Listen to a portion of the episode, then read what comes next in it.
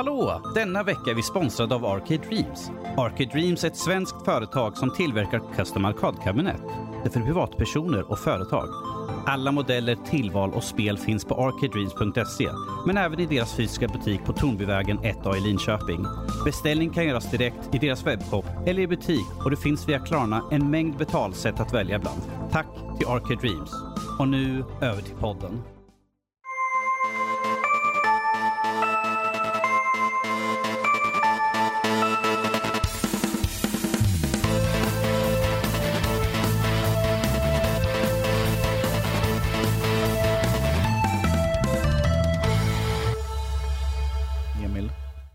Kanske ska börja se på bra film istället.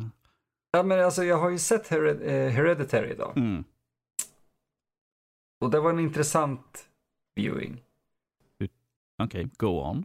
Ja, ehm, jag har ju hört väldigt mycket om den.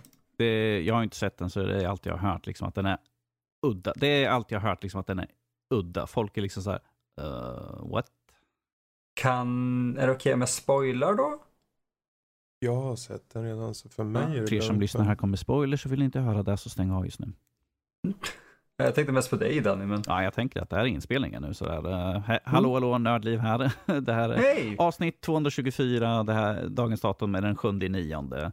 Och vi kör igång med att Emil tar och spoilar lite grann. Så hoppa fram en bit ifall ni vill missa det.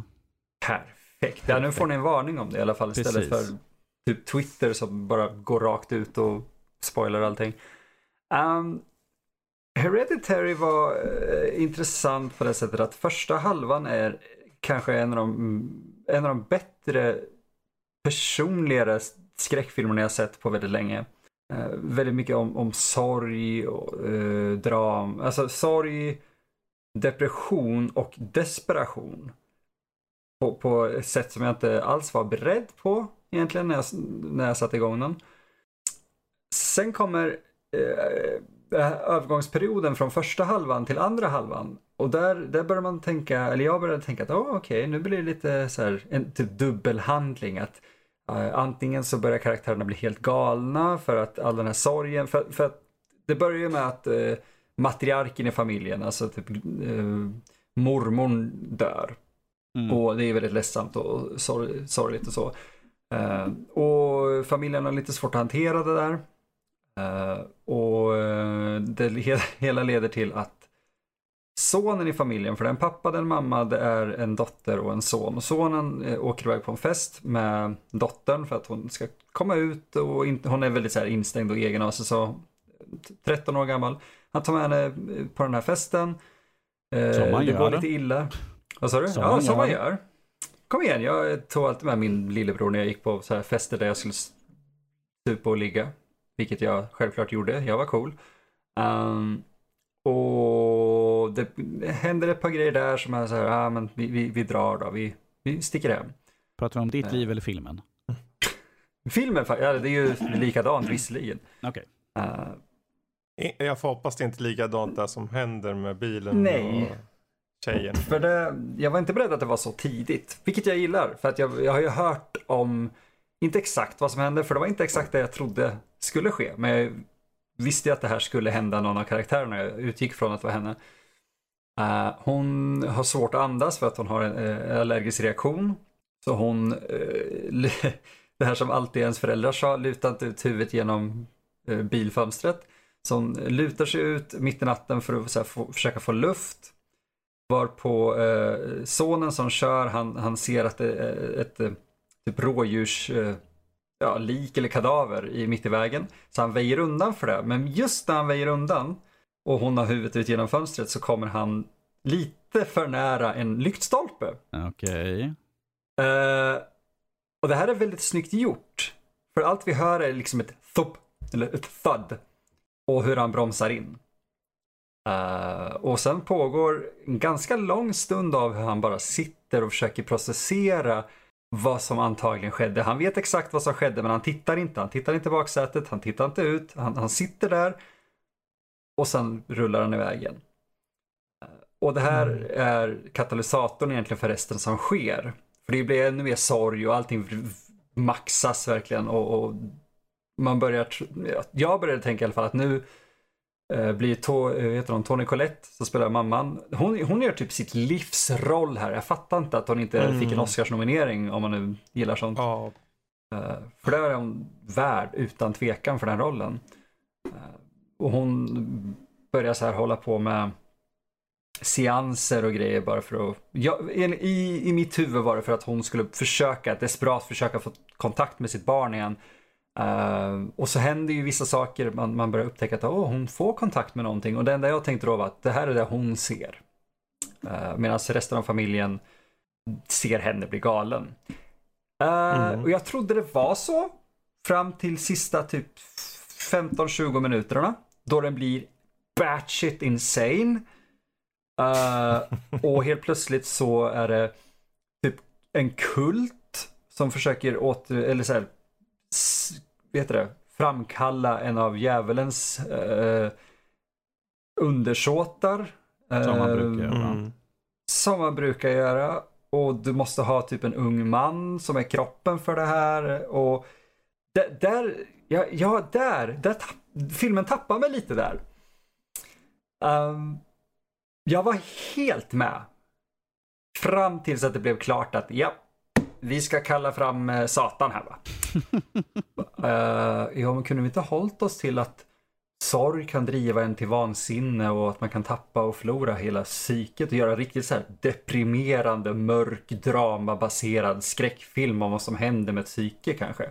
Nej, vi ska ha en kult med. Ja. Så jag måste säga det att jag, jag, jag gillar filmen så här tekniskt. Tekniskt är en otroligt snyggt gjord film. Um, skådespelarmässigt fantastisk. Storymässigt tycker jag inte om den. Jag gillar första halvan. Jag gillar ungefär 70-75 procent. Sen... Sen gjorde de, sen jag gjorde de en Michael Myers. ah, Se om den. jag tror jag behöver göra det.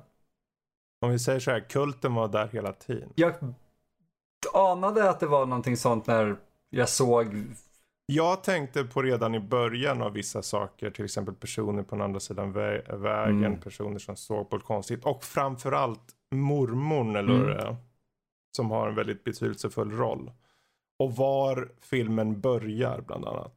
Eh, så fick man fundera. S- ja, se om den bara, får vi se. Eh, jag säger inte att den kanske ändrar din uppfattning om slutet, men den kan komma och i alla fall få lite mer insikt. Ja, när jag ändå nu vet vad det är för typ av film och jag vet vad jag har att förvänta mig så Mm. tror jag att det blir bättre. För jag hade ju förväntat mig någonting helt annat. Kanske du kan se tecknen Mm. också på den här kulten då ju så. Mm. Som sagt, den, den finns ju där. Eh, sen är det såklart, jag kan ju tycka att när man ser filmen så är det ju många, eh, mycket av dialogen kan ju vara ambiguous Mm. liksom. Så, så att på det sättet kan man fuska också, tycker jag, som regissör eller filmskapare kanske. Att ja, men det kan ju finnas där om man läser in det.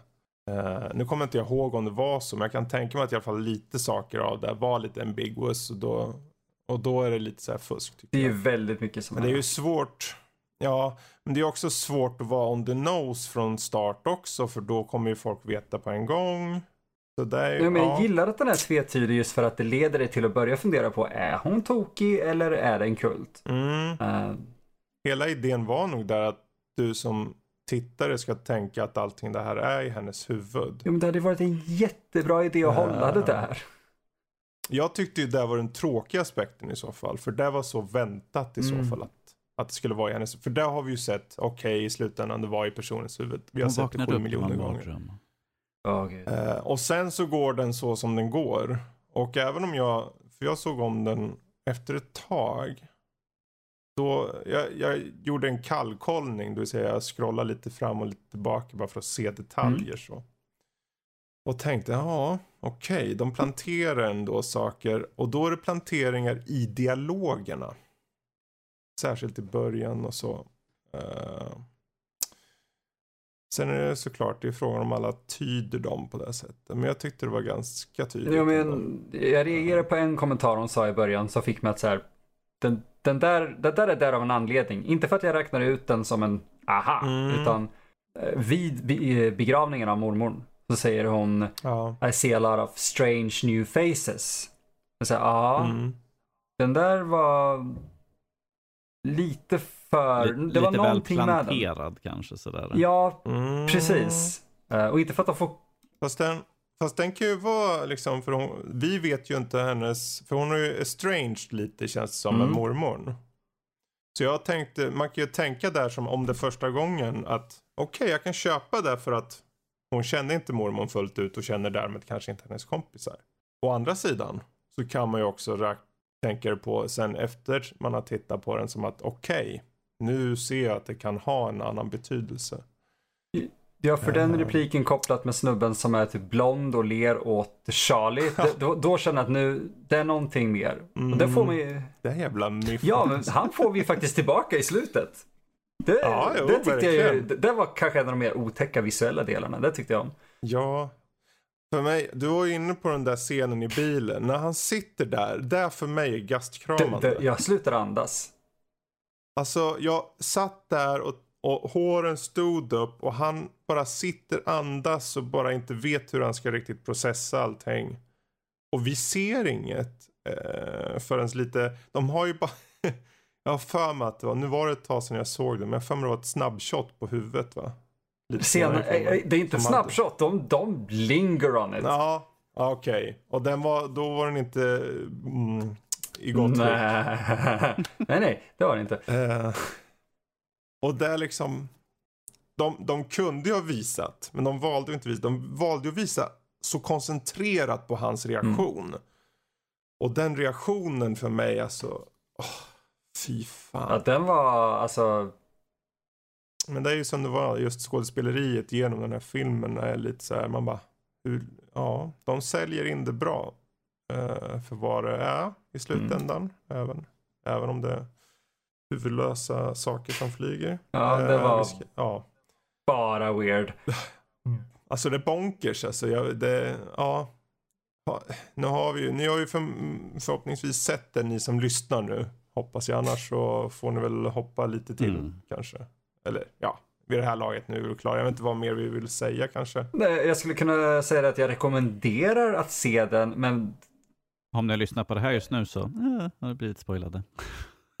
ja, det är kanske är ännu bättre. Mm. Om- man nu känner att oh fuck, nu har jag blivit spoilad. Se den med den här vetskapen och sen plocka upp på de grejerna vi pratar om. Eh, Ja. För det kommer fortfarande ge, alltså det, det, tro mig, det är inte storyn som är det viktiga här i enligt mig, utan det är Nej. hur den förs fram som är det intressanta. Precis.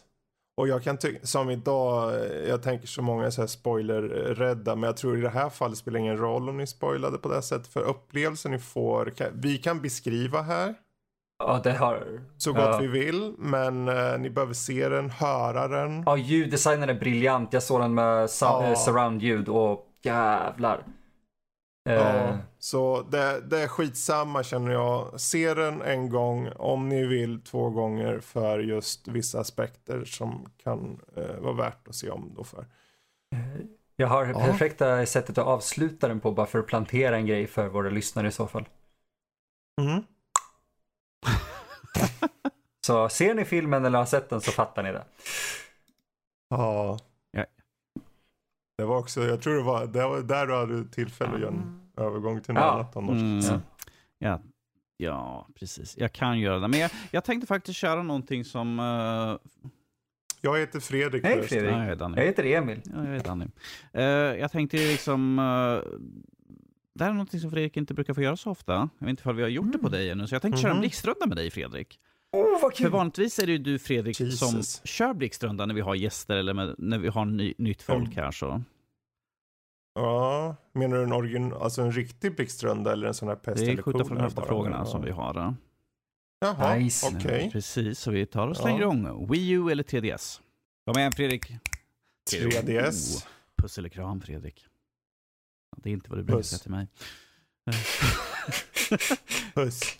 Plattform eller RPG? Mario eller RPG. Zelda? Mario. Den där frågan vet jag redan svaret på. Netflix eller YouTube?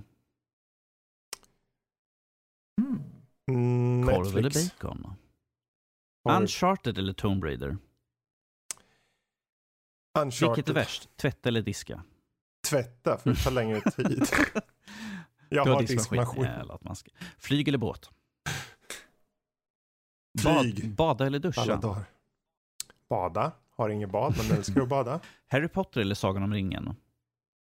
Ninja eller pirat? Jag vet att det är en svår fråga.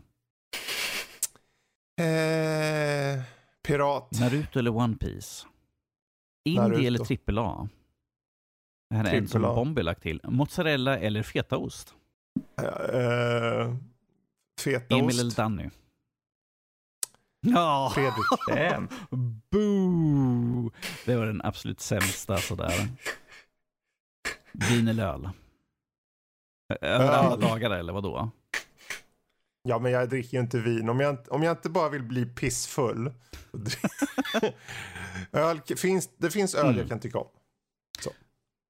Med det sagt, det kanske finns en vin där ute någonstans som är god för mig. Det... Man vet ju aldrig. Det här är en väldigt viktig Fredrik. Musik Mhm. eller podcast? Podd. Bra svar. Räcker åt den. har fått, folk fått en liten bild på hur knasig det är. Den jag tänkte läsa var liksom uh, blått eller rött. Jag bara, jag vet redan svaret.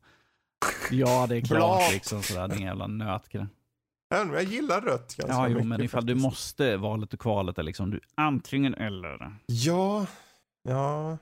Ja, Det var ju faktiskt det var ju väldigt snälla sådana där. Det var ju Ja, kul. jag tänker det. Det är en, det är en, det, det är en soft podd idag. Det känns som alla våra poddar, Mm. vi kör lite Mm. soft sådär. Det var, var en lång dag liksom helt enkelt sådär. Vi var och Mm. Jo, firat sant. dig. Eh, nu Mm. ju du visserligen nästa vecka, men vi firade din 40-årsdag här lite tidigt sådär. Ja. Och Precis. döttrar i också sådär. Så det blev en dubbel, Mm. dubbelfirande sådär. Så det, det tyckte jag var lite, Ja. Lite i lite förtid. Och jag tänkte slänga, jag, tänk, jag tänker ta varva upp lite grann. Jag tänkte ta något diskussionsförslag som, har lega, som ligger här liksom, som jag bara ville Mhm. slänga ut sådär. Okej. Nyretro. Var går gränsen mellan fanart och nymodisering av spelmediet? Är nyretro en trend eller något som kommer hålla i sig? Typ nya Mega Man Castlevania och sånt där. Uh, med mängder av med retroartade tv-spel så finner vi oss igen i pixlade världar. Vad tycker vi om Mm. det här nyretro? Att vi tar liksom pixelspel tillbaka igen. Det är ju någonting, Emil, du vet jag har ju en stark åsikt om retro här nu, för du, fast du kör ju mest gamla spel igen. Men du körde ju Iron Fury, vilket är ju en definitivt retro spel där från den gamla tiden och du kan ju hålla på i hundra år med referenser. Men vad, vad tycker vi om de här de nyretron som vi kallar det i det här diskussionsämnet? Är det liksom plus eller minus? Det beror lite på tycker jag egentligen för det finns ju de som gör det bra, Dusk, och det finns de som gör det mindre bra, Iron Fury. Mm. Uh, Iron Fury som sagt bygger på referenser vilket blir väldigt tjatigt i längden. Som de som läste min recension förmodligen märkte. Uh, Medan Dusk har fångat essensen av en retro-shooter exempelvis och sen inte slänger in ah, ni minns väl det här va? Uh, så jag, det, jag tycker det kommer ner till hur man utför ja, hur man utför det helt enkelt. Mm. Fredrik? Mm. Jag funderar mest på första frågan där just nu. Okej. Den här vart går gränsen mellan fanart och ny modernisering. Mm. För jag tänker som, som Iron Fury ville ju på något sätt glänsa i de här referenserna. Som att, ja men se på oss, vi kommer ihåg vad som fanns förr. Ja, ja men ni behöver ju ändå göra ett bra spel Mm. också. Och det är ju ett spel som, som behöver liksom va, appellera för de som spelar idag mest. Det är klart det finns många nostalgiker också. Men ehm, jag tänker att just vart gränsen går är väl just att man kanske på något sätt för in lite 2019 eller modern spel eh, Mm. kanske. Men bibehåller framförallt utseendet. Eh, det är Ja, för, en, för en del sådana här uh, indiespel som man ser som kommer ut som är så här retro, det, är liksom, det, ser, det ser ut som de har Mm. tagit den här, uh, oh, vad heter den för någonting? Det gör så att det ser ut som gamla uh, SNES-spel. eh, som ser ut som gamla Final Ja. Fantasy eller något sånt där. Då är det liksom, lite så här, mm, känns som att ja, vi har en idé, men vi orkar inte liksom anstränga oss att göra någonting supernytt med 3D-modellering eller något sånt där. Ja, men vi kör retro för att det är enkelt att göra. Mm. På en del, en del spel känns som liksom Ja. att de kör den här för att det är den enkla biten istället för att faktiskt göra någonting, eh, helheten stor. Utan liksom, vi har kanske ett bra, kanske en bra Mm. story, vi kanske eh, idéer och sånt, men att vi orkar inte göra liksom så hårt. Det finns liksom en enkel edit och vi gör det liksom i det då. Känns som jag säger liksom väldigt Mm. mycket här just nu. Men- Liksom, liksom, Liksom, liksom, liksom. liksom. Förbereder och höra det hela delen. Ja, Det blir liksom väldigt tydligt. Vet ni, nu, Eh. nu har liksom sagt det ett par gånger.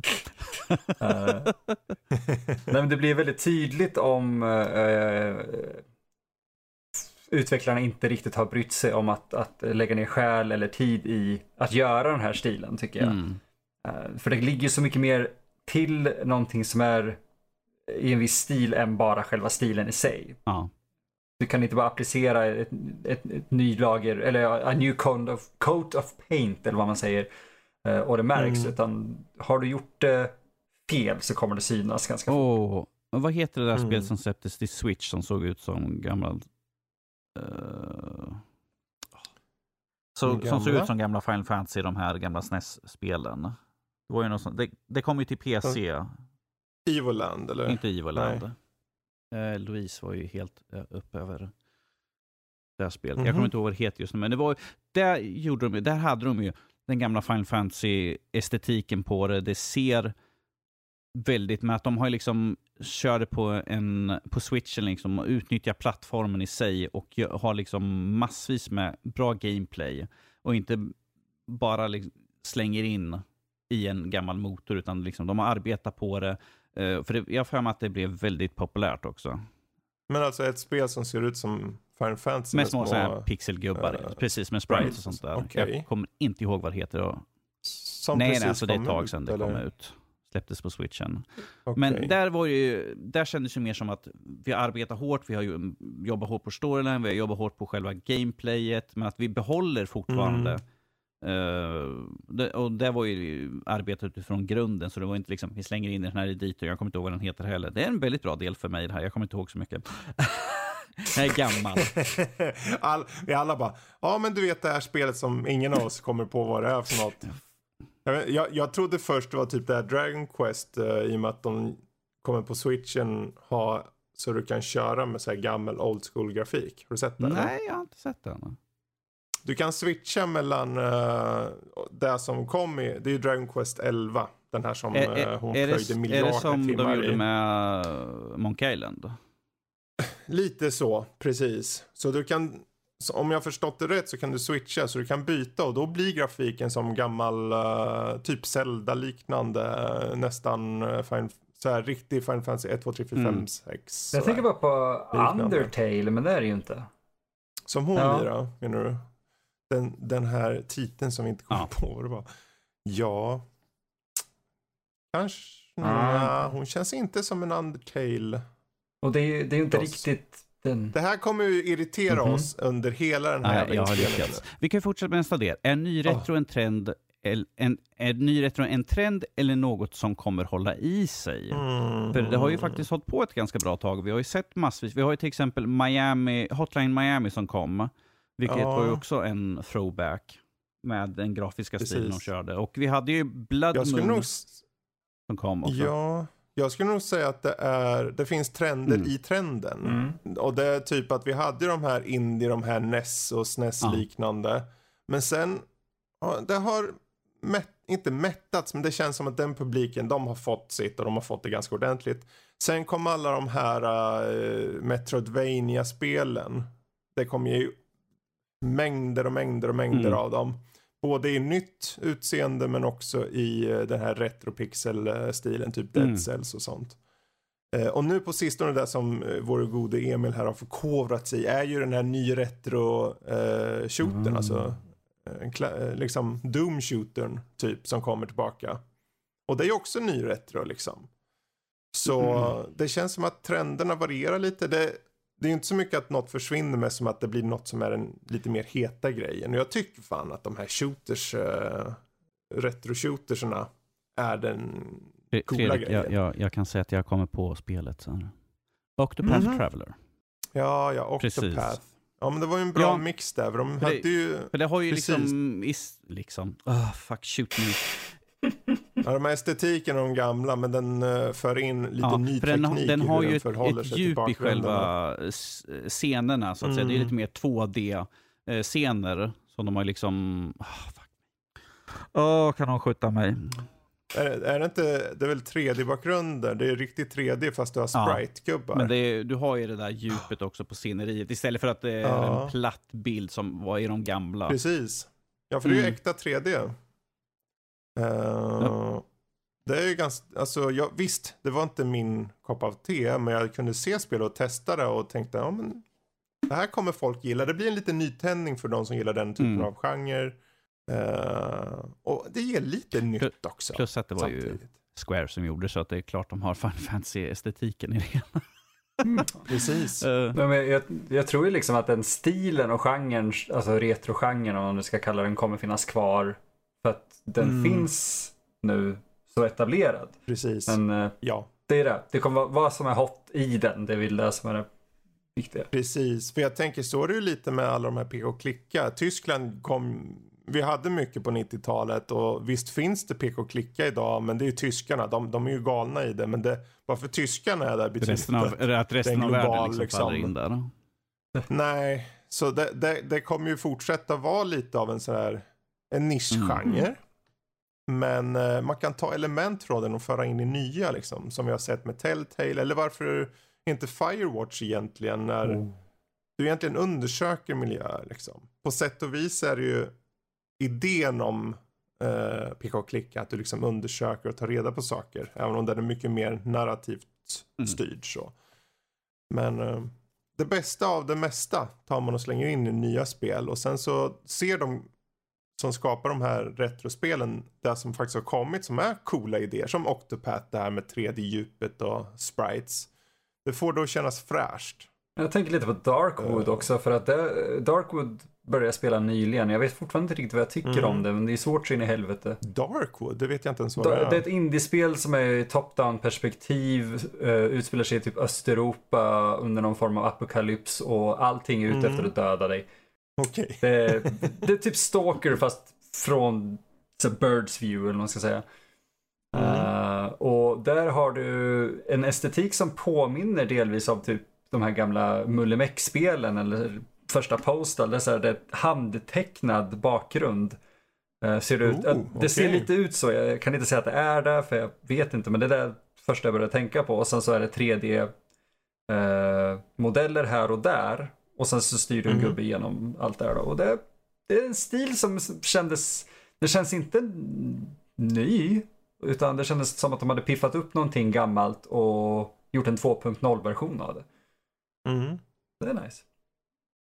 Mm. Ja, för att vi hade ju, jag tar några exempel, vi fick ju till exempel Celeste, retro. vi hade Dead Ja. Cells, som var ju väldigt, Ja. be- en ny i klassisk stil, Wonderboy and the Cursed Kingdom. Eh, Mm. Vi har ju E- Iconoclast, Tetris Effect också, Ja.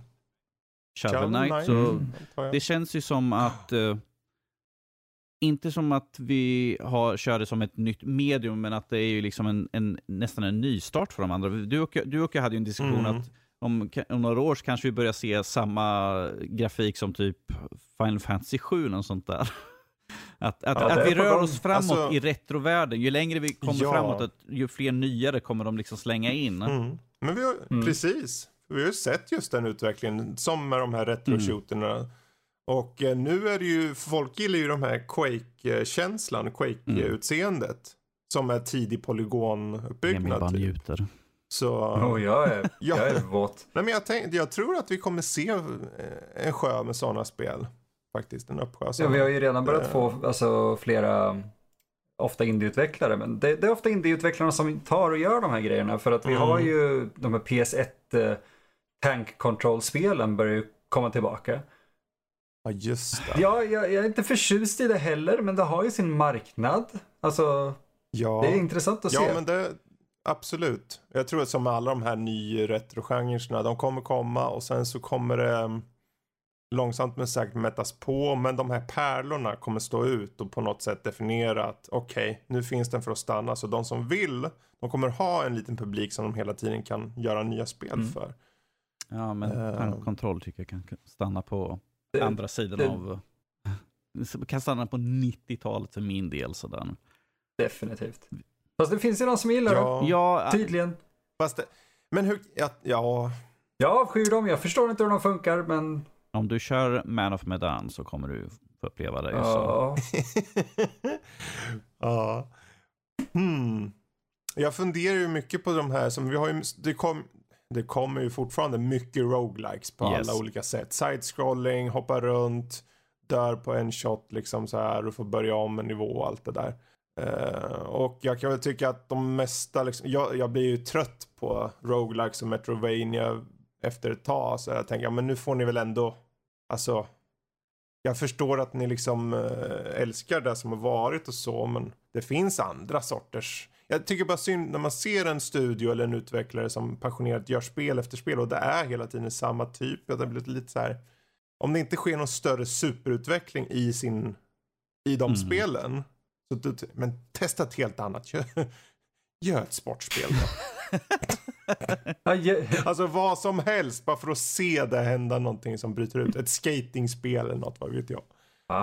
Eh, ett skatingspel kommer komma med uh, förr eller senare för det är så många som eh, längtar tror jag efter det. In, inte för att jag någonsin såg någon, något nöje med skatingspel personligen. Men många fanns det som gillade det jag tänker att förr eller senare kommer det komma det och då kommer de föra in så här RPG-inslag eller eh, eller varför inte roguelikes? Du kan bara ramla omkull och bryter nacken. Ja, då har du brutit nacken. Då får du börja Ja, det, Åk tillbaka med en ny karaktär och hämta din gamla skateboard. Ja, då kommer dess eh, bror eller gud. Det låter ju som eh, det här zombiespelet som jag körde som var först till eh, Wii U. Man körde på. Zombie, Zombie U, U. det För det var ju liksom, du dör, Ja, sen just. ska du gå och leta upp din gamla, gamla Mm, karaktär, slå mm. ihjäl den, hämta väskan och få alla dina saker igen. Sådär. Ja, just det. Allt Ja, med en skateboard. Det blir bättre. Mm. Det är kul med den här nyretro. Jag körde ju faktiskt ett nyretrospel förra veckan. Det här mm. Mm. Children Morta. Det om Mm. något är ju lite nyretro Mm. faktiskt. Uh, med ny, nya inslag så. Eh, så det, det händer ju grejer Ja, där men ändå. den, den hade i alla fall eh, lite nya saker i själva uppgraderingar och sånt där. Det är inte att du upp, uppgraderar en Mm. karaktär i taget som du, och du väljer liksom, ja men jag, jag, har- jag har levlat de här till så jag tar dem hela tiden. Utan där, där tar ju, Precis. det, det är ju, handlar ju om en familj. Och då tar Ja, du och levlar upp alltså det alla i spelet, familjen alltså. samtidigt. Ju. Ja, alltså jag trodde ju när jag eh, tog mig an det tänkte jag okej det är en, någon typ av Diablo-klon det här. Det är ju en top-down liksom lite så här, inte helt isometriskt. Det halv, ja, det är typ isometriskt då. Fast det är retropixel-stil där animationer är jättefina. Liksom på alla karaktärer. De, det känns som de har tagit jättemycket tid på animationerna på alla karaktärer. Och eh, det är ju mer eller mindre ett roguelike fast du styr Du har en hel familj. Mm. Så när en går ner så att säga för räkning så är det egentligen att den eh, kommer tillbaka till hubben typ. Och då får du ta, om den mår bra fortfarande, den kan behöva vila ibland. Och sen eh, ko- kunna komma tillbaka. Du kan köra med den men du har en nedsatt eh, hälsa liksom. Från start. Men då byter du naturligt till en av dess eh, andra familjemedlemmar och kör Mm. med den. Eh, men banorna är ganska korta. Så även om det är roguelike och du får börja tillbaka till början av banan. Eller till huset där du börjar ifrån. Så är det fortfarande inte så jättelångt. Så det är ganska snällt som roguelike på det sättet. Eh, även om slutbossarna kan vara. Vissa slutbossar är tuffare än man kan tro först när man ser dem. Men då handlar det egentligen bara om att gå och grinda lite. Och få upp en level typ eller två. Eh, och få lite mer så här, eh, lite mer ehm, skills typ. Eh, och sen gå tillbaka. Och eh, hela tiden uppmuntrar det till det här med att men ta, kör med Kör med ba, eh, minsta ungen i familjen nu. Den är, det är som en liten ninja den där lilla grabben här. Och sen så byter du till stora syster. Hon springer runt med en pilbåge och skjuter saker på avstånd. Och, och det sker ganska naturligt hela tiden. Mm. Ja, Mm. mysigt spel. Vad tror ni? Är det något eh, eh, ny retro? Är det något som kommer stanna eller kommer det liksom ebba ut kanske? Den har nog haft sin så här höjdpunkt, om man ska säga, eller kanske är mitt i den. Jag tror inte den kommer försvinna. Nej. Jag tror den kommer vara mer relevant än vad peka-klicka är eh, under en väldigt lång period framåt. Allt är mer relevant än peka och klicka. Nu gör, du- nu, gör- nu gör du Rob ledsen. Oh. Ja, ja, men du vet, sanningen kan vara jobbig ibland att höra. Men, Oh dear. Ja, nej, jag- ja. ja, precis som jag. jag. Jag tror att det kommer hänga kvar länge sådär. Det är lite grann, som, Ja, det är lite grann alltså- som zombies. Vi är så trötta på det, men Mm. vi kommer inte Mm. undan det. Det kommer alltid finnas på ett eller annat sätt. Och, eh, Ja. Ju längre vi lär oss i tid, desto fler saker kommer komma tillbaka i retrosfären så att säga. Att den, den här... Definitionen av vad ny retro är är ju liksom något som ändras också hela tiden. Mm. Så eh, där vi säger ny retro nu, det, att det kommer hålla sig kvar är ju en självklarhet med tanke på att folk kommer inte tycka det vi tycker är ny retro sen till slut. För då är det eh, det senare, det kanske, okej äntligen får jag den här Half-Life 2-versionen. Jag bara, Jaha, okej, kom vi dit nu plötsligt? Ja. Ja, varför inte? Tekniskt sett är det retro nu egentligen. Ja. Tänk om de Ja, kommer visst. med Stalker Retro. Wow. Det spelet är redan så jävla förlegat och gammalt att det är en retro. Fan. Ja, jösses. Men eh, jag Mm. tänkte liksom, jag tar och slänger vidare här nu. Jag- för att, eftersom vi tog upp retro här nu och eh, det kommer ju en nyhet här nu med att Intel lanserar nu retroscaling. Mm, Eh, ja. Jag tänkte vi kunde liksom para ihop den med den här för att det går liksom hand i hand. Precis som Mm. pixlar Mm. med och skala upp lite grann. Fredrik, du är lite smartare på den här biten än vad jag är. Så Ja, nej men de, de, de, kommer, de har ju redan introducerat nya Ice Lake-processorer och de kommer ha tillsammans med eh, senaste eh, drivrutinerna stöd för något som kallas in, integer scaling. Eh, vilket egentligen bara betyder att så här äldre retro-liknande spel de kommer skalas upp i upplösningen då eh, på ett mycket eh, skarpare sätt. Oavsett upplösning då verkar det som. Så man behöver inte tänka på det här längre. Så om du, även om det är ett äldre spel, i alla fall är tanken då, så kommer den då eh, multiplicera det här gånger två eller gånger tre liksom. Genom att blanda färgerna i den här, i de närmsta grannarna av pixeln. Så om det är till liksom, säg fyra gånger fyra pixlar och det är liksom väldigt så här, grundfärger så kommer den ändå lä- läsa av de omgivande bilderna för att sen skala upp och eh, med någon form av algoritm antar jag då skapa slags block som gör att det passar även i väldigt, väldigt höga Mm. upplösningar. Så att man inte tappar skärpan är tanken då. Det ska inte ske någon förlust. Så det här kommer vara då i, i den eh, elfte generationen eh, av eh, Intel eh, grafikkretsar. jag tycker det är kul att se. Som vi har ju ret, äh, retro och vi får ju väldigt många spel som de tar och släpper igen.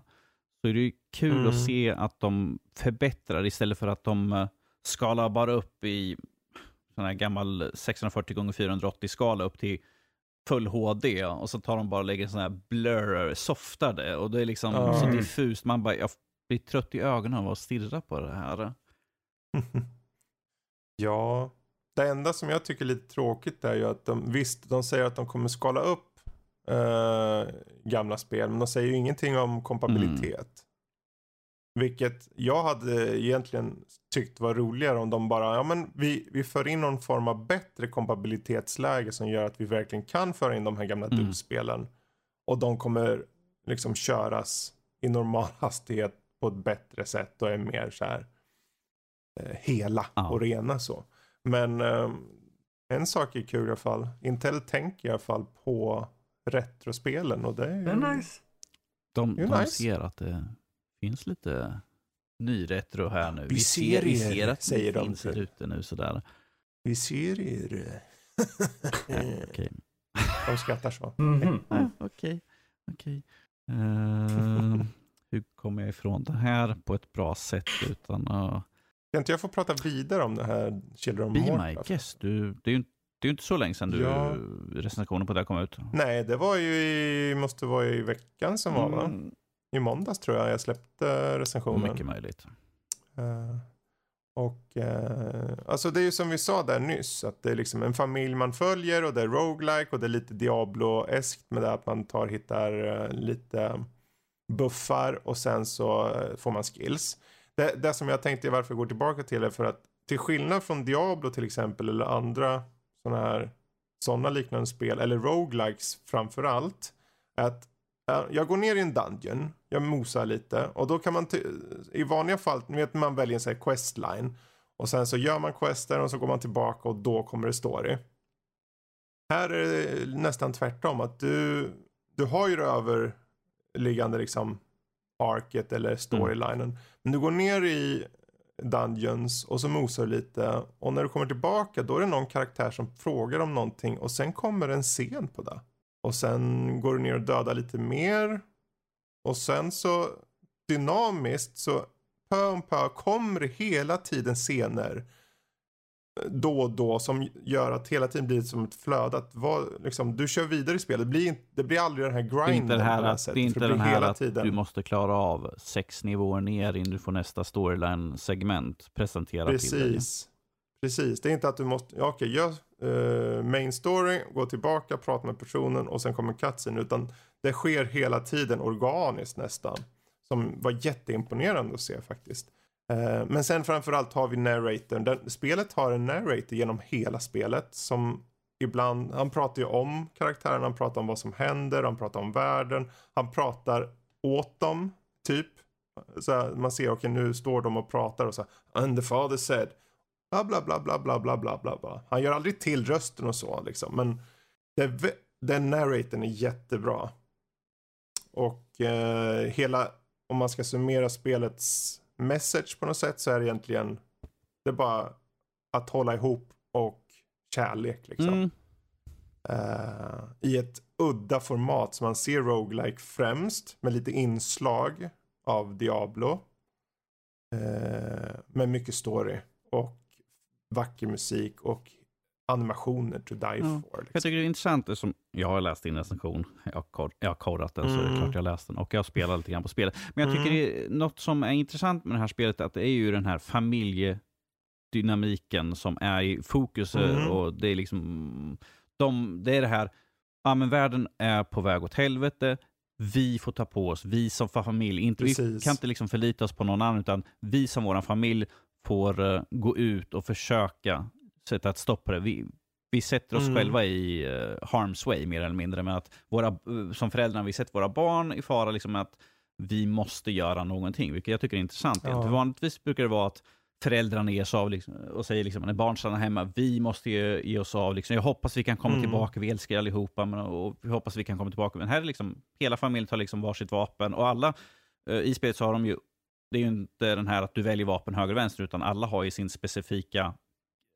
karaktär. Precis, de är som olika ja. typ. ja, arketyper av, det liksom, vi har bågskytten, vi har liksom eh, heavy weapons och jag kommer inte ihåg vad det mm. mer för någonting var. Men alla hade olika, så det är ju som du sa, att ifall någon blir skadad så kanske de blir stanna kvar och då tar man en ny karaktär och då får man liksom en annan dynamik på hur man slåss. Mm. Så att den, den bryter ju upp Precis. det vanliga spektrumet av ett, den här typen av spel. Att ja, men jag tar Diablo, du har, kör barbar, ja, men jag har klubbor, två, hand, två, två klubbor mm. i varsin hand och man vet att det här är typ det som, det är hans. Men här är det liksom, vad är det, tre karaktärer man går med? På en, gång, på en gång, äh, när man eller? kör. Nej, nej, man, man kör, man kör själv. Uh, man kan köra två om mm, man kör ja, co uh, Så jag tycker det är kul att man har valet av olika. Att ifall, man, mm. ifall du går ner i en dungeon så här och känner att ja, men jag skulle behöva ha den här karaktären, jag kan gå tillbaka och byta och så mm. jag, tycker, jag tycker det är intressant. Det, det, det rör ja, om i grytan lite grann. Mm, absolut. Mm. Det, det, det sköna med, eller det sköna, det är att det är så sombert. Eh, nej men det är melankoliskt. Jag, jag är svag för melankoli eh, och just här så är det ganska, det är melankoliskt. För vad som händer egentligen är att de lever i en värld, den här familjen, var, där korruptionen i naturen börjar ta över. Det är, så, det är som en smitta i världen som en svart smitta som tar över och förvränger djur och är på väg mot deras hem. Och de måste stoppa det inte bara för alla andra men såklart för sig själva. Och för familjen och för sina barn och, och så vidare. Så alla hjälper till. eh, och då har du det, det är vemodigt.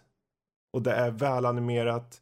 Och trots att jag i regel har svårt att knyta an med sådana här karaktärer som är liksom ett par pixlar liksom.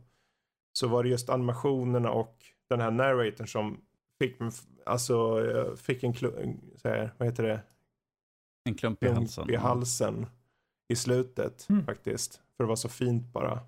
No. Med, med tanke på vem, vem, man slåss mot och så. Vilket jag inte säger något om för det får ni egentligen ta reda på själva Shh, i så fall. Säg inget. Jag tyckte det var ett helt underbart spel. Jag brukar vara nästan, eh, jag skulle inte säga anti, men jag brukar vara väldigt så här, reserverad för den här retro jag är lite, som jag sa förut, det här retro-pixelerade. Jag är lite, jag personligen är lite mättad på det. Så när jag väl får då det faktiskt är, kommer med nya element som det här gör, då blir jag så oerhört glad, glatt överraskad och det här det är ren och skär toppklass alltså. Mm. Det är inte perfekt så, men uh, uh, ja, jag älskar det faktiskt. Mm. Inte toppklass, men älskar det. Det nej, nej, det är toppklass. Ja. Men det är inte, det är inte, det är inte, det är inte perfekt så. Mm. Du har ju en del saker som, som jag tycker variationer på monster borde kunna ha gjorts om lite bättre.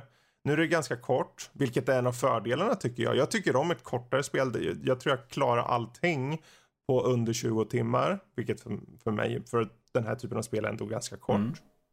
Uh, om man inte resonerar med berättelsen så kanske man tappar det helt. Så där, och det är ju mycket mer personligt såklart. Uh, och sen har vi lite av den här roguelike elementet är ju för banorna. Det är tre stycken områden mer eller mindre. Som du har tre banor i varje. Och även om du kör kanske till tredje banan på ett så är det, du får ju köra om hela banan då. Men alltså ända tillbaka till bana ett då. I det området.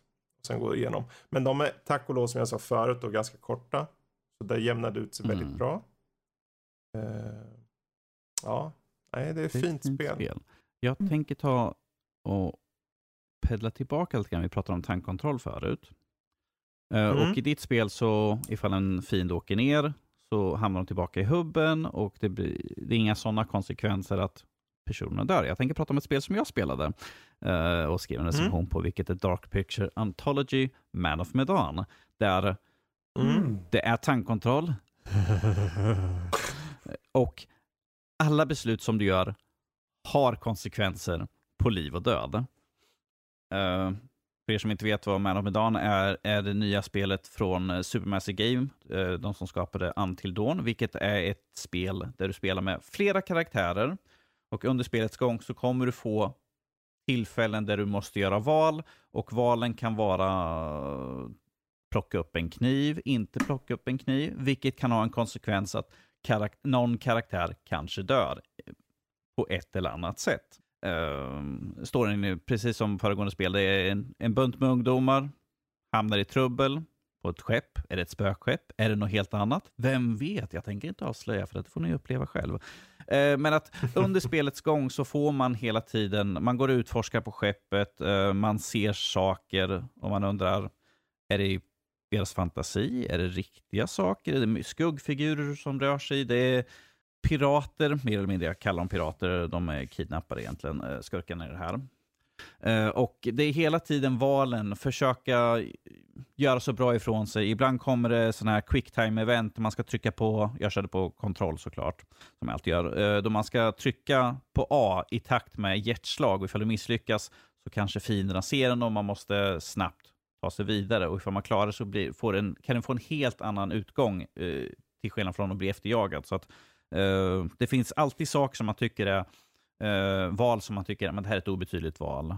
Det, det gör varken till eller från, medan man kanske typ tre, senare, tre timmar senare märker att ah, okej, okay, jag blev mördad för att jag gjorde det där valet där. Mm. Vilket kan vara hemskt frustrerande. Jag kan säga redan nu att uh, man kan köra igenom spelet på två gånger. Först kör man igenom i vanlighet, då är det Theater Mode. Uh, och så finns det Curators Edition, vilket är att du kör igenom det är samma storyline, men att du kan se det från andra, de, några av de andra karaktärernas synvinkel. För att under spelet så kanske man springer omkring med två eller tre utav karaktärerna och då undrar man, men vad gör de andra för någonting? För att jag springer omkring kanske en timme med de här karaktärerna, vad gör de andra? Och då kan man få i Curator så kan du få se deras synvinkel. Och eh, val som du gjort i din första spelomgång märks av i den här Curators Edition, vilket jag märkte gjorde varför att, vilket är irriterande för att när jag kom till slutet så blev en av mina karaktärer mördade brutalt och jag kunde ingenting jag kunde göra åt. Jag tänkte så åh, jag kommer äntligen lyckas rädda allihopa. Yes, yes. Cutscene. Och stendöd. Inte ens en quick time event liksom så jag kunde trycka kom igen, rädda, rädda, rädda. Utan det var liksom nope, fuck you. Jag bara åh mm. nej. Hemskt frustrerande. Men jag tycker att det är ett bra spel. Jag tycker att de har gjort det bra, bra ifrån sig. Det är intressanta karaktärer. Eh, alla är väldigt olika. De, och jag tycker att valen man har kan, som jag sa förut, kan verka triviala. Det är liksom, ja men jag följer med dig. Nej, du ska inte följa med. Jo, jag följer med. Okej, du kan få följa med. Konsekvenser därifrån. Eller liksom som jag sa förut, plocka upp en kniv. Man tänker, det kan vara ett bra skydd. Men tänk för de träffar kniven, någon annan tar och sen, pff, oj, död. Sådana saker. Uh, samt att jag tycker om stämningen i spelet. Eh, Uh, skepp som har varit ute i, på havet i jag kommer inte ihåg hur länge det har varit ute. Övergivet. Liksom. Jag tycker om estetiken i spelet. Jag tycker om ljudbilden. Uh, väldigt mycket jump scares. Vilket jag märkte ja. även som var väldigt predictable ibland. Och jag har berättat det här till båda två, men att det finns ett tillfälle man tittar in i ett rum och det har som blinders eller något sånt där, metallgaller som man kikar in. Och jag stod där och tittade och jag bara, det skulle vara perfekt ifall de skulle ha en jump scare, att man typ tittar och så är det typ någonting som tittar på en. Och så tittar jag liksom till höger. Och då, stod, då såg man ett ansikte på andra sidan och jag bara, Gud! Jag bara, jag, hade, jag gissade att det skulle finnas ett sånt. Och det kom en sån och jag hoppade fortfarande till lite grann. Jag bara, jag hade ju liksom förutsatt att det skulle vara någonting, men att det är bra. Det är bra gjort helt enkelt. Att ifall man, även fast man tänker att här skulle kunna finnas någonting, det är någonting. Så det har de gjort bra, även om lite, lite predictable ibland. Men eh, det, är ett, det är inte ett långt spel. Det tar mellan fyra, fem timmar på en genomkörning. Eh, av en genomkörning då. Och eh, jag lyckades tyvärr inte rädda allihopa på någon av mina genomspelningar. Eh, och som, som det heter, det finns en curator edition, men det finns en kurator precis som i Until Dawn, som var Peter Stormer som spelade då, och han pratade mellan scenerna. Eh, uh, I den här inte lika mycket, men att det är fortfarande kul att man har någon som binder ihop och vi vet att det kommer komma fler spel för det är en antologi och han kommer ju komma tillbaka. Uh, och nästa spel skulle väl komma nästa sommar tror jag, ifall jag inte missminner mig helt fel. Uh, finns inget exakt datum, men att de har sagt att det skulle vara runt sex månader emellan varje spel. Men eh, jag, mm, jag tyckte okay. det var riktigt kul faktiskt. Och ifall man tyckte om Until Dawn ska man definitivt testa på det här. Uh, sen såklart kan det finnas folk som inte tycker om att ha de här storvalsspelen. Och på tal på inga val. Jag vill fortsätta i skräckens anda här nu och uh, jag vet att det här kommer göra att Emil blir lite ledsen sådär. Riva upp gamla sår. Upp gamla sår. Det är inte så gamla sår. Det är, den här, det är den här veckan. Men Emil, Mm. Du har ju, I'm so sorry, uh, spelat igenom, väldigt ledsen att jag satte det på dig, uh, Blair Witch. Ja, det var en besvikelse. Vad är dina tankar om spelet? Uh, det första jag kände efter att jag la ifrån mig det, för ni som har läst recensionen vet ju att jag kunde inte spela igenom det. Jag kunde inte avsluta det på grund av att det var alltså, så trasigt rent te tekniskt sett. Det gick inte att spela igenom det. Um, jag, jag blev inte arg, jag blev inte direkt frustrerad, lite frustrerad, men, men jag blev verkligen genuint besviken. Uh, och jag hade inga höga förväntningar. Av den enkla anledningen att det är ett licensspel, det är gjort av utvecklare jag är inte så förtjust då, uh, i. Och trots det så lyckas de göra mig besviken. Um, jag hör en långsam tår rinna ner för kinden. Så. Stackarn. Ja. men det är lite frustrerande för Blair Witch har alltid varit eh, en av mina så favoritgrejer att, att gå till när det kommer till skräck. Och jag, jag, såg igenom, eller jag såg ju faktiskt första filmen och den som kom 2016. Eh, den, den från 16 såg jag idag och första filmen såg jag i, igår tror jag. Bara för att här, komma in i, i, i låren igen och så. Och Spelet eh, tar sig väldigt mycket konstnärliga friheter antar jag. Väldigt mycket baserat på filmen från 2016. Det är inte alltid en bra grej. Med referenser Äh. till uh, Blair Witch 2-filmen också. Exakt, den har ju det och det gjorde ju inte saken jättemycket bättre. Alltså, film.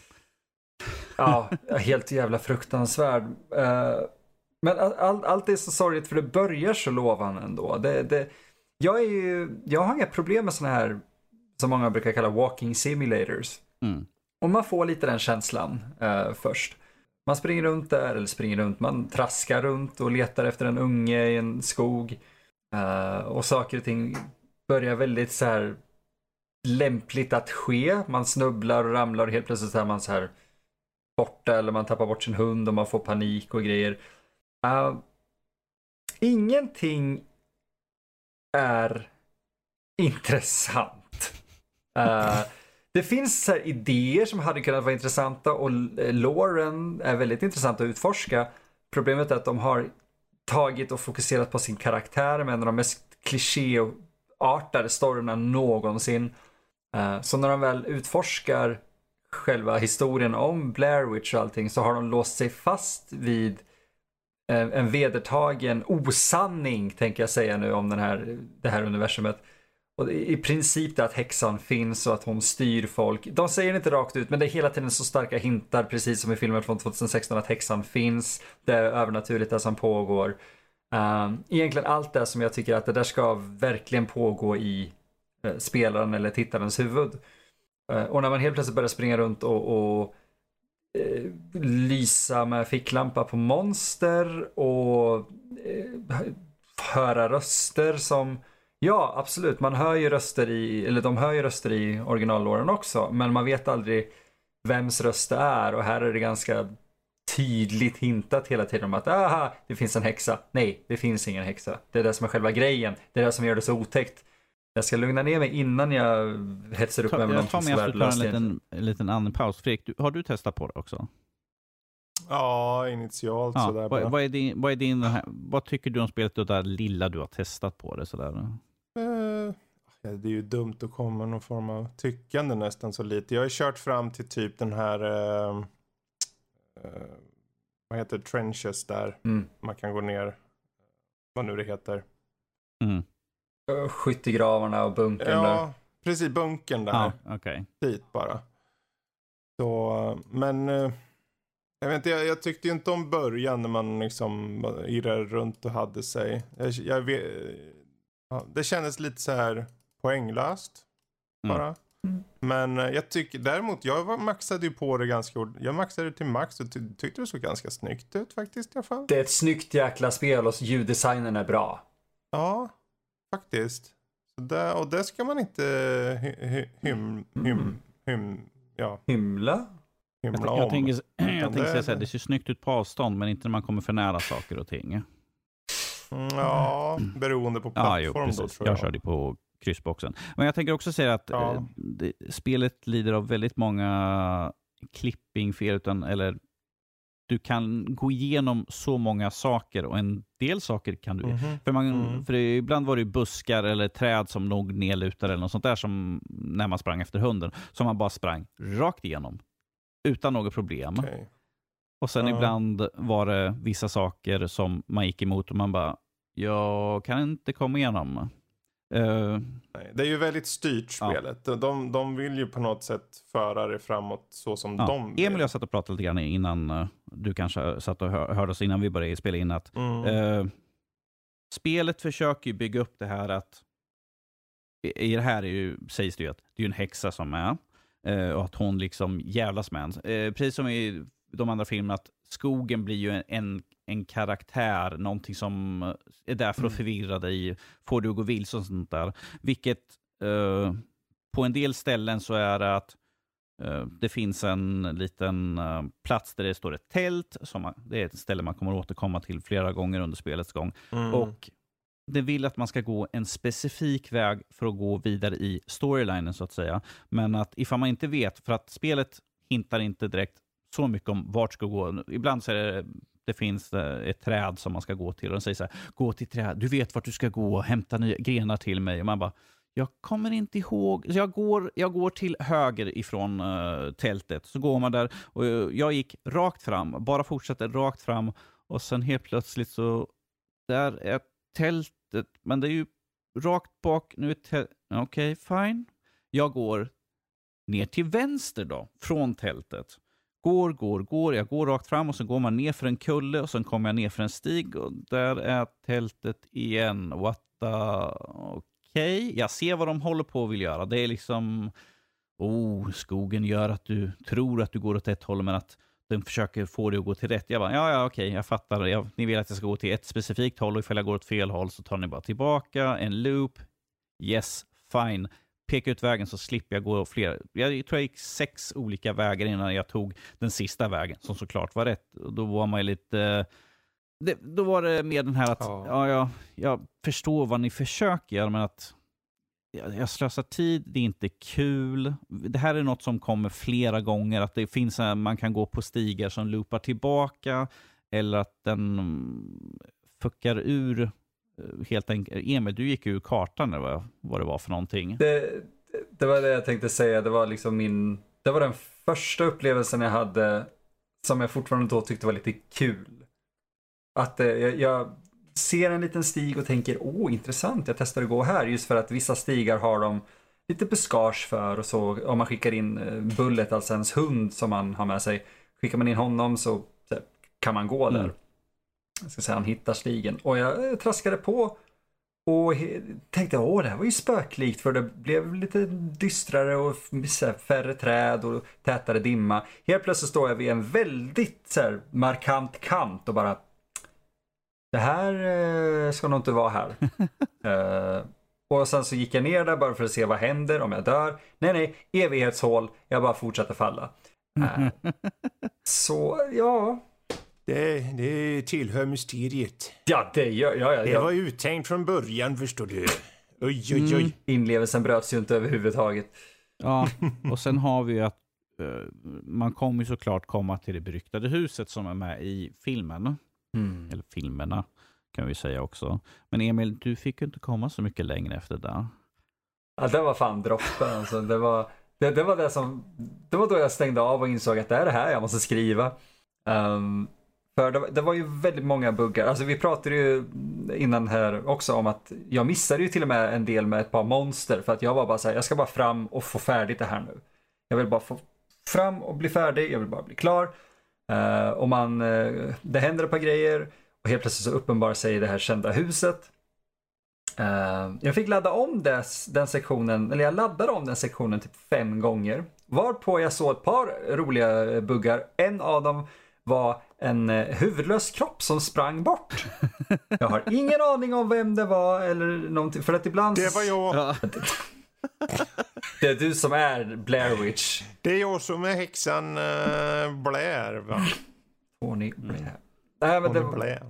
Det, de, de, de bygger upp stämningen väldigt mycket. Att åh, där, där, där uppe är huset, ser du huset?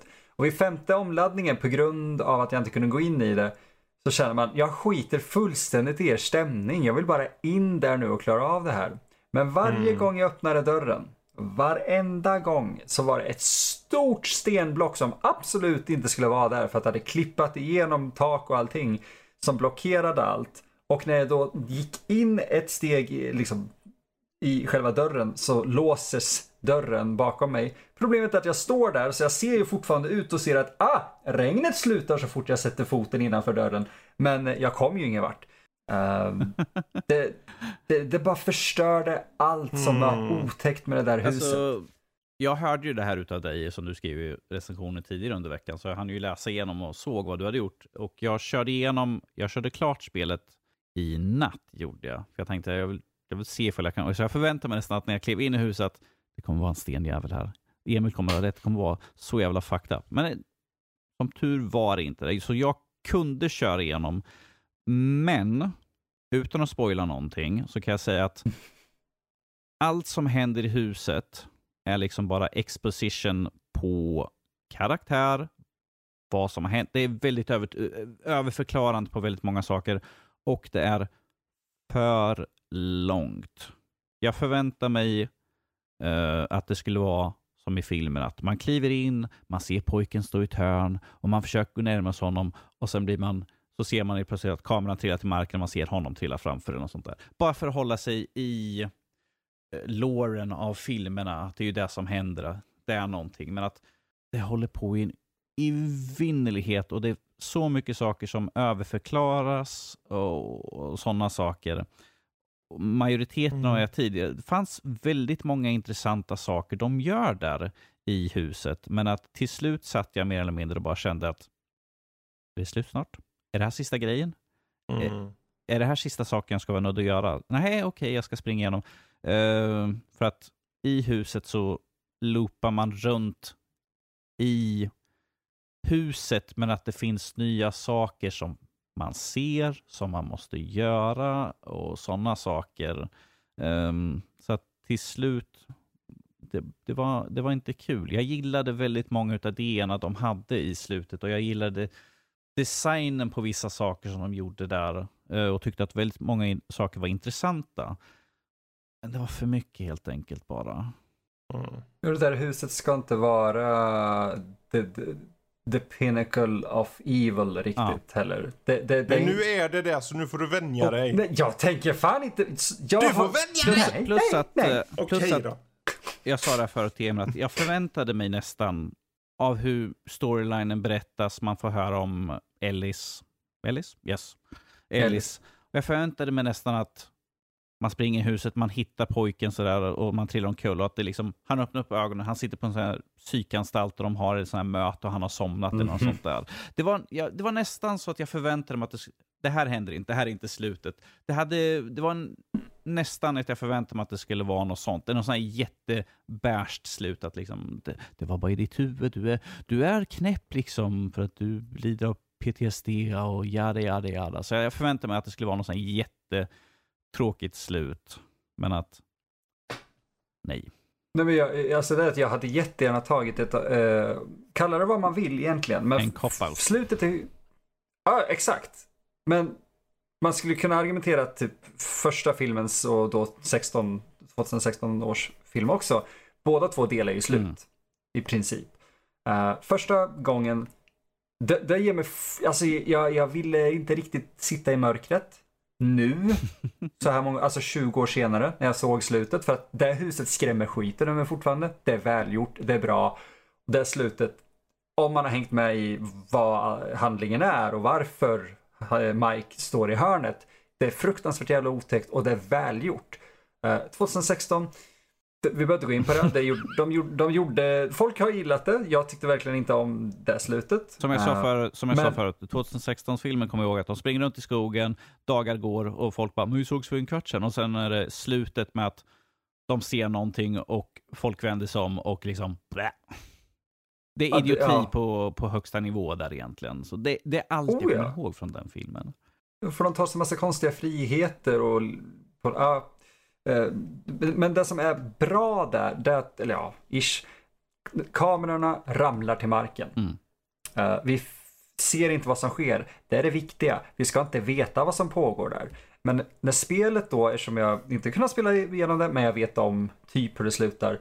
Du, du ska inte veta vad som sker. Du, det bör sluta med att kameran faller eller någonting. Du ska inte veta vad som händer med Ellis. För att det är så mysteriet vidbehålls. Det, det, det, ja. Det tar väl bort från hela idén av vad grundfilmen liksom är. Ja. jag. det är just det det gör. För att vi vet inte. Mm. Återigen, jag har pratat med de som skrev det här. Och det jag vet om därifrån. Det, alltså de, de, är fort, de är själva lite så här. Det, vi vet inte, vi har våra teorier. Folk har sina teorier. Wingard och de, de hade sina teorier. Men de har det de tror. Mm. Alltså, de har ju sin, sin canon. Jag tycker om den, det jag vet om den. Uh, jag har min egen version, men när det, när det blir så i både 2016-filmen eh, och spelet att de verkligen säger häxan finns och det är det, det är det här som sker och du måste lyssna på henne för annars börjar du bli galen och vansinnig. Bara, Fast det, det där är inte intressant. Det där är fruktansvärt tråkigt och förutsägbart. Varför har vi gjort så? Uh, istället för att vi har någon dåre som springer runt i djurhudar och med knivar och kastar folk på sågar så kan vi väl hålla oss till att det är öppet och mystiskt och olika dimensioner. Om vi hade gjort en tidsresa när vi ser huset, inte bara det här med dimensioner, utan hade vi eh, gjort en tidsresa exempelvis och hoppat tillbaka till, vilket jag, ja vi ska inte spoila för mycket, men hade man fått hoppa tillbaka i tiden till när Rustin Parr, som var då mördaren enligt den etablerade låren, hade man fått se det och lite grann utforska den perioden, det tror jag hade varit intressantare än att du går in i huset och får möta dina egna demoner alla Silent Hill 2. Mm. Jag, jag, jag... jag, tror jag, jag tror jag tar av installerat nu. alltså jag kan bara säga, du frågade förr vad jag tyckte och så. Det lilla jag körde kände, det kändes utdraget och tråkigt.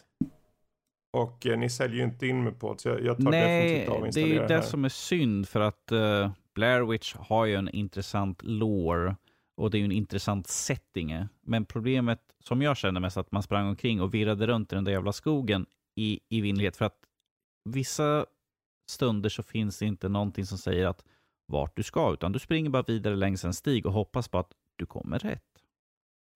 Och det finns inga hot som, alltså förutom vid ett par specifika tillfällen så att du känner aldrig, det, det händer ingenting, du bara går. Okej. Okay. Mm. Och det, ah, ja. det, tekniska problemen kan vi säga faktiskt då, för jag kommer spela, jag kommer försöka spela det igen. Uh, de tekniska problemen ska ha patchats ut på PC-versionen, delvis. Och uh, Game Pass och Xbox kommer inom typ dagarna nu. Så om man är sugen på att testa det, gör det om ett par dagar när de har hunnit fixa till det mesta, men absolut inte som det är just nu. Mm. Mm. Ah, jo. Då så. Blair Witch. Blair Witch. Mm. Spela på eget bevåg. Oh. Det, det, låter som en sån här, liksom, man sätter på, spela på eget våg. Inte för att det skrämmer, mm. utan för att det kanske inte är det bästa spelet någonsin gjorts. Ja, kanske buggar ut lite helskott ja, också. precis. In i helvete. Jag är inte bitter. Du, du, du är inte bitter, du är inte. Bitter. Nej, nej, nej. Um, jag, jag, känner att, för jag tänkte det liksom innan vi spelade in här, att jag ville köra lite på skräck sådär. Och vi har ju kört och det mm. blir retro och skräck sådär. Men att uh, Fredrik, mm. Mm. du älskar ju clowner. Ja, det är inget fel med eller det, det är ju mycket fel med clowner rent generellt. De som jobbar som, förlåt ni som håller på med clowneri alltså. Sluta. Okay? Sluta. Bara, bara. Alltså kom bara igen sluta. nu, det är 2019 nu, cirkus. Det är liksom lite så här, nej. Men du tänker ju på Itja, Chapter yes. 2. Som vi var iväg och mm -hmm. såg. Eh, då var det bra att haft ett par dagar och smälta lite faktiskt. Eh, få lite distans. Mm. Eh, kan ju bara säga innan du går in på vad själva storylinen för att eh, första responsen när vi kom ut efter bion var ju att ah, pacing är inte det bästa kanske. Mm.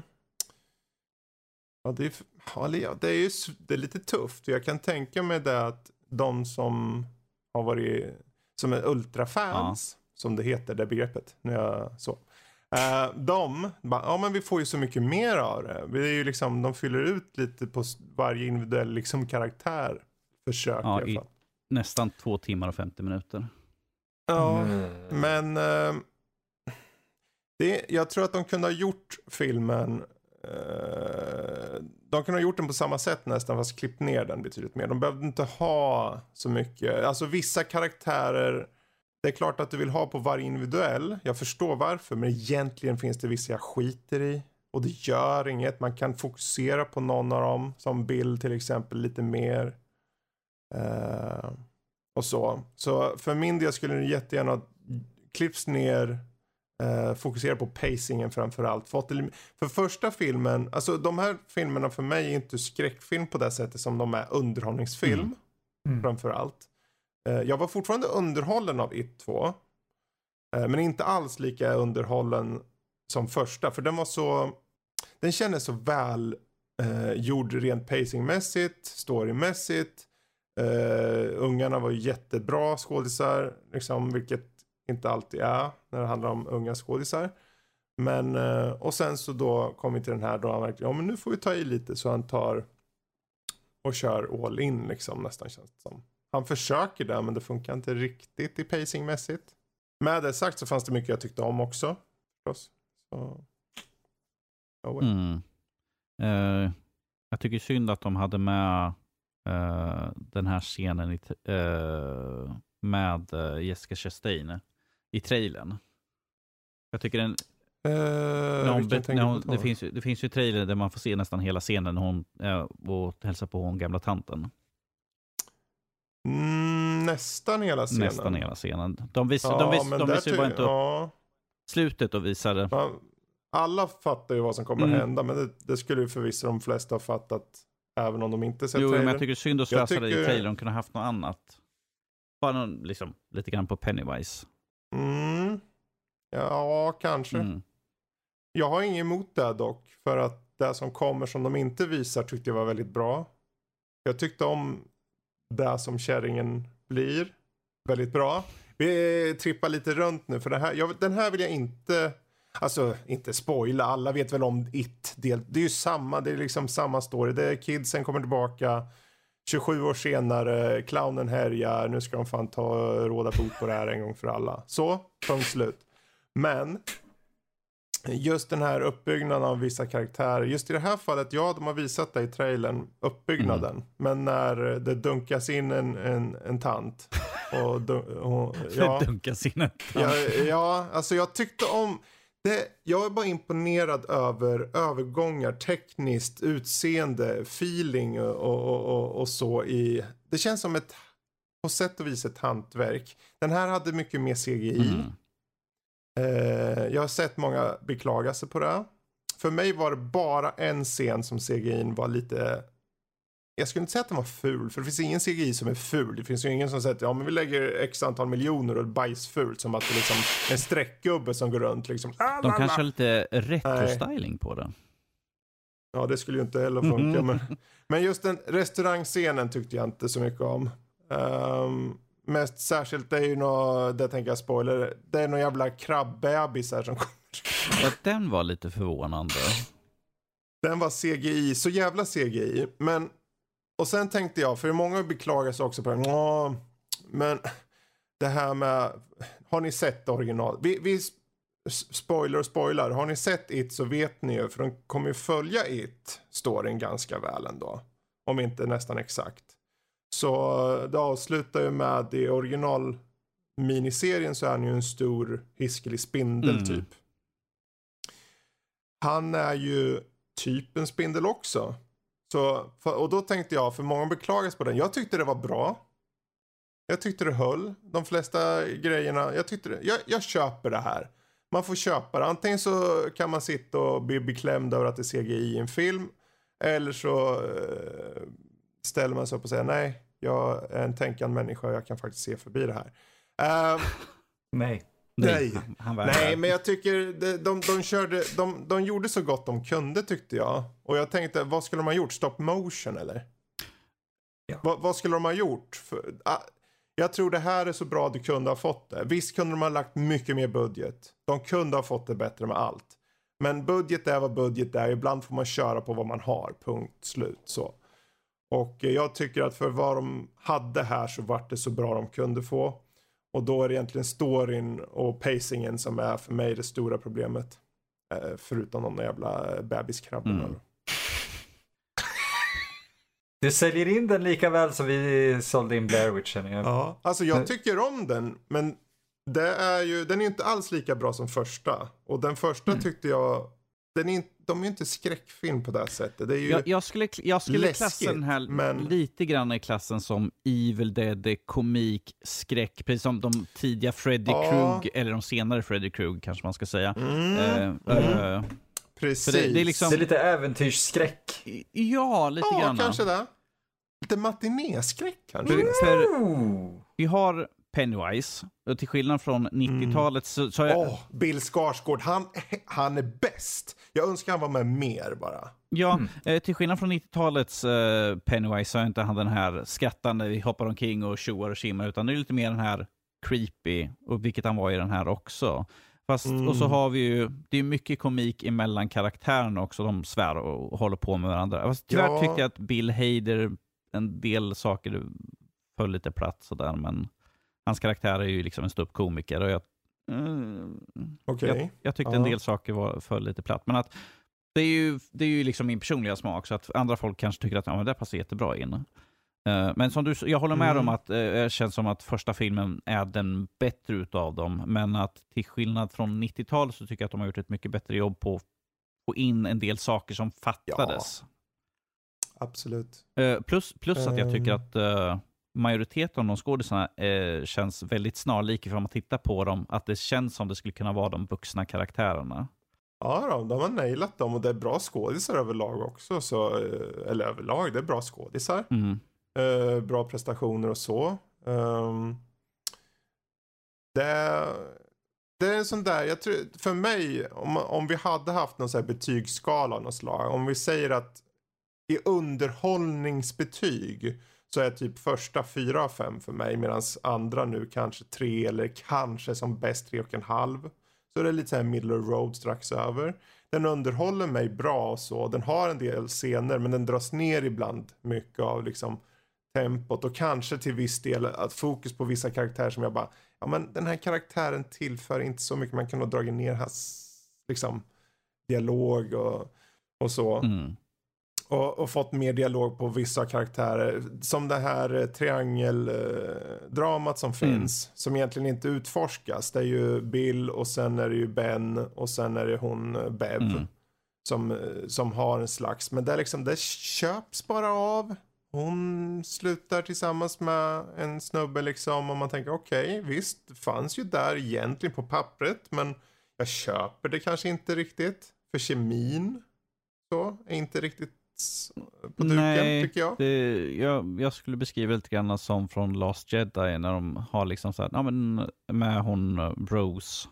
Liksom att, ja men vi Mm, måste skydda ja. dem, eller bevara det vi älskar och sen pussar de någon. Det känns lite samma sak. Det är liksom, man bara, var kom det här? Ni- Okej, det visst att du är intresserad av henne. Hon tror att det är Bill som har skrivit, men och sen är det plötsligt bara, Ja. jag är förälskad. Man bara, eh, what?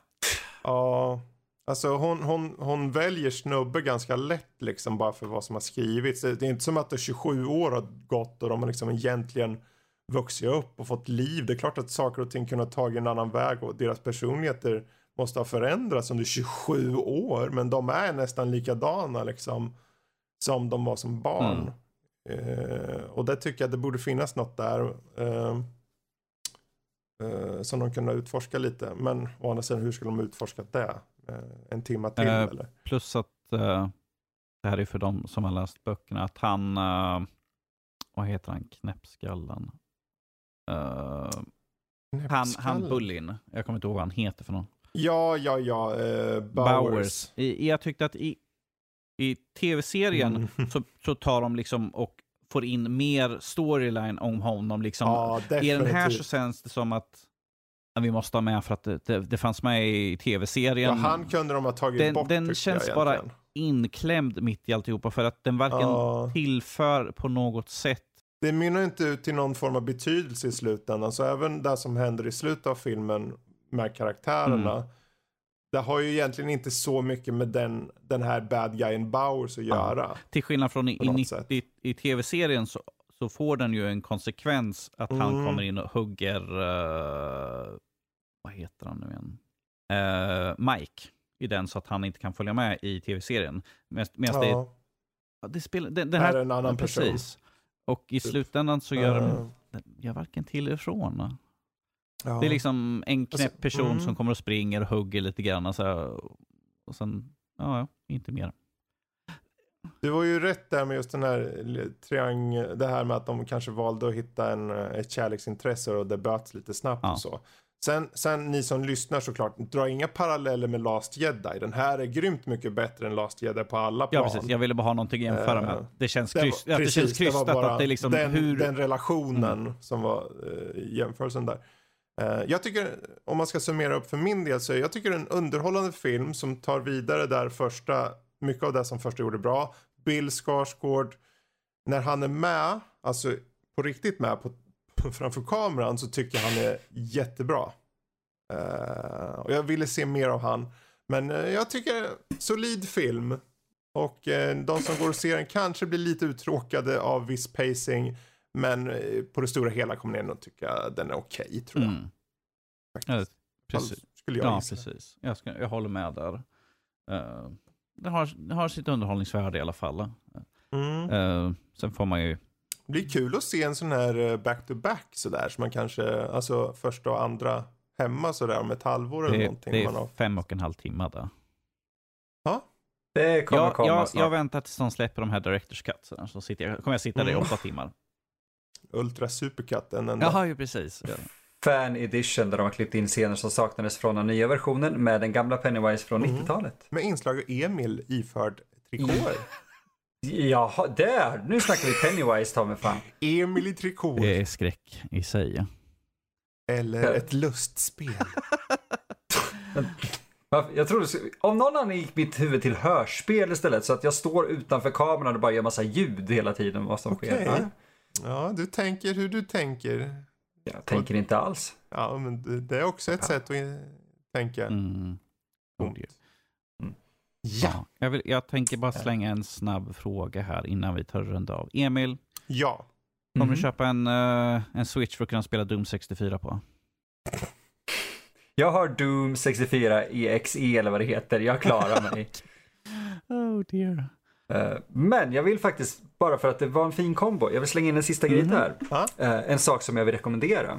För ehm, jag tog och spelade en liten grej idag. Åh nej, vi Eh, blir nyfikna. mm? Åh nej, vi blir Ja. nyfikna. Det lät väldigt skumt så här. Uh-oh. När jag spelar någonting dessutom så, Okej. oj, oj. Går skam Eh, på torra land och han heter Bruno. Bruno är inte torr på land. Oh. Um, han kan vara. Mhm. Uh, anyways. eh, Epic har, har ju så här uh, trevlig liten grej att de ger ut gratis Ah. spel på sin, eh, s- ja, vad heter den, Epic Game Store. Game Store. Precis, precis. Och det första, det här är ingenting av det senaste egentligen som jag eh, plockade upp. Men det första jag plockade upp där som var gratis var någonting jag hade velat spela länge och nu satte jag mig faktiskt med det. Mhm. Mhm. Stories un, eh, Untold Stories, Stor- nej Stories Untold heter det. Som är eh, en antologi kan man säga. Det är fyra episoder. Var, varje är eh, en egen, liksom, ett eget spel. Och det är retroinspirerat från 80-talet. Och det är skräck. Ah, just det. Det där spelet Mm. ja. ja du. Eh, jag kan säga så här att jag hoppade till fler gånger och hade en rysligare känsla eh, av första episoden där än vad jag hade under hela Blair Witch. Och det enda du gör under första episoden är att du sitter vid ett skrivbord framför en dator, en gammal typ, jag kommer inte ihåg vilken dator det är, en gammal jävla dator med kassettspelare. Commodore 64. och spelare. Typ någon gammal Atari. Det är någonting sånt. Precis, och man spelar ett text adventure-spel. Wow. Det var otäckare än Blair Witch. Och nu känns det verkligen som att jag sparkat på Blair Witch. Men jag, jag, jag kunde inte liksom bortse från att någonting som är retroinspirerat och bara text skrämmer mig mer än när jag springer runt med en ficklampa i en mörk skog och det Jag, regnar. jag tittar på bilden på Steam för det här och på en av bilderna så ser man eh, den här tvn på. Det ser ut som eh, Norman Bates Hotel på bilden Mm. där. Faktiskt. Jag tror det är nog inspirerat utav det. Det ser väldigt, det ser Garanterat. väldigt likt ut som det. Ja, alltså det, är- det är ju väldigt, man märker ju att musiken är ju definitivt eh, dubbelsneglad på kan vi säga från typ Stranger Mhm. Things. Eh, men eh, skärmen är där, eh, scaresen är där och jag tycker det är intressant med någonting som har en retrokänsla som inte är en plattformare eller en shooter utan det här, det här kom för typ 4-5 år sedan och jag har inte hört så många prata om det egentligen. Mm. Jag rekommenderar verkligen att man kollar in det om man är lite nyfiken. 2017. Sjut- Okej, då är det jag som är helt off. Eh, men eh, definitivt, jag tycker man ska kolla in det. Mm. Mm. Kul lite tips där faktiskt. Yes. Det är en kul tips. Och med det tipset tar vi rundar av den här veckans podcast. Uh, vill ni mer av oss, hoppa in på vår hemsida www.nördliv.se. Ni kan se recensioner på spel och läsa Emils enormt långa filmreferensfyllda recensioner. Så långa är de 10 inte, 000 kom igen. Jag har sett längre. Shut Aha. up. Eh, inte mina i alla fall, jag garanterar. Nej, nej, nej, nej, inte dina. Oh. Jaha, okej. I see what you're getting at. Uh, bastard. Uh, det kan ni hitta som sagt vår podcast. Ni kan hitta våra andra, vi har ju Prylrundan, vi har Kultpodden också sådär. Som uh, det är med Mattias och uh, han, han, Bruno. ja, precis, Bruno, Bruno Gantz. Bruno Gansen. Där an, den där andra i Kultpodden. Så här, Emil, du kanske ska lyssna på han, är, uh, han Mattias är väldigt... Uh, Ja, den andra fanns är fan där med bara. Mm. sparka honom. Ni kan ha, hitta oss, ifall ni vill skriva till oss kan ni göra på info.nordlivpodcast.se eller så kan ni skriva till oss på våra sociala medier, nordlivsc på Twitter, Instagram, jag kommer inte ihåg vad det är på Facebook. Det är väl bara Nördliv, antar jag väl. Nordliv Nordliv SC. SC, ja det är det också. Uh, har jag glömt någonting nu? Säga grattis till mig. Grattis! Grattis Fredrik! det så tackar vi för oss den här veckan. Toodaloo! Toodaloo. Det där.